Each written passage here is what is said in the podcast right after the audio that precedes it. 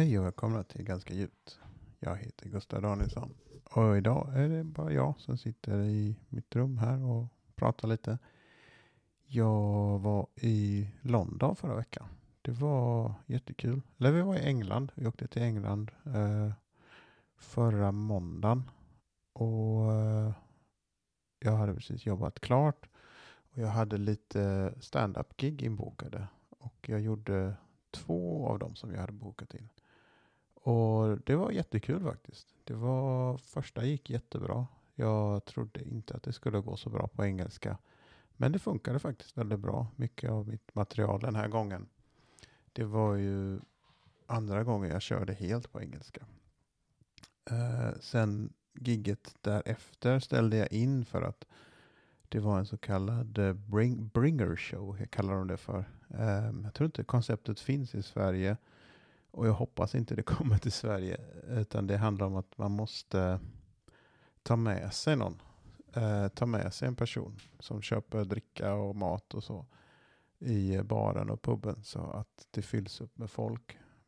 Men jag vet inte, det kanske är för att scenen har funnits där så länge så att de eh, det är inte det, är liksom, det finns så mycket stand-up att gå på för folk så att det är liksom svårt att, att locka till sig till småställen som open mic och nybörjarställen.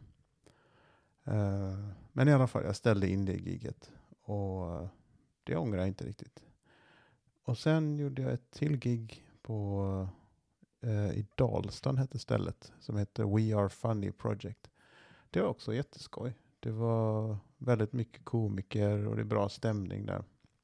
Väldigt mycket olika folk som kör standup där också. Eh, det kan jag rekommendera om man är i London och vill se en riktigt bra open mic. Uh, We Are Funny Project heter det och det ligger i Dalston. Så sagt. De kör på tisdagar och onsdagar tror jag.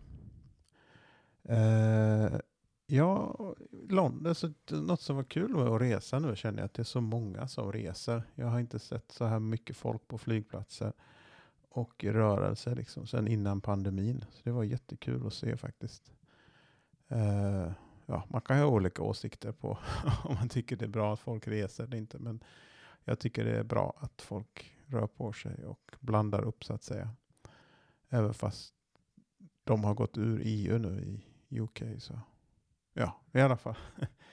eh, vad hände mer? Jo, jag var och sprang ett ultramaraton i, eh, eh, från Lime Regis på, hög, på sydkusten till eh, eh, vad heter det? Exmouth. Exmouth. Det var 50k eh, lopp. Och det har jag inte heller gjort sedan augusti 2020. Har jag inte gjort någon ultra. Och det gick faktiskt. Det var jobbigt men såklart. Men alla de är jobbiga. Men eh, jag kom i mål på ungefär nio och en halv timme. Och det var skitkul faktiskt.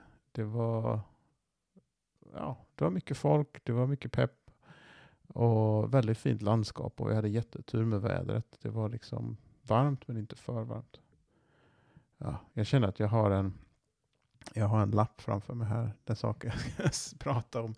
Så jag lägger undan den lappen för jag känner att det blir lite, det blir lite uppstyrt på något sätt. Men eh, annars vad jag tänkte på idag. Jag har jobbat några dagar nu.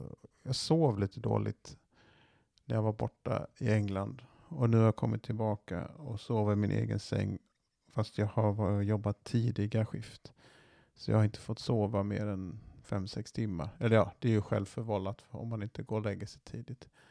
Men eh, jag känner att jag har lite sömnskuld. Men jag kommer nog ta igen det snart. Eh, men det var kul att komma igång och jobba igen. Och nu i eftermiddag så kände jag att jag hade en lång att göra-lista. Liksom. Nu vet, man sitter och skriver ner att man måste göra massa saker. Men jag skrev upp på den listan ingenting och alltså jag skrev massa saker. Sen skrev jag meditera och ingenting. Och jag kombinerade väl de två. Satt med och mediterade i 20-25 minuter.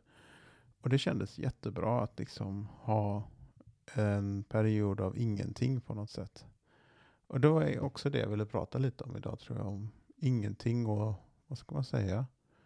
Emptiness säger man i buddhistspråk och tomhet och det får ju alltid oftast en negativ klang, eh, tomhet. Men det behövs tomhet för att det ska finnas någontinghet tror jag.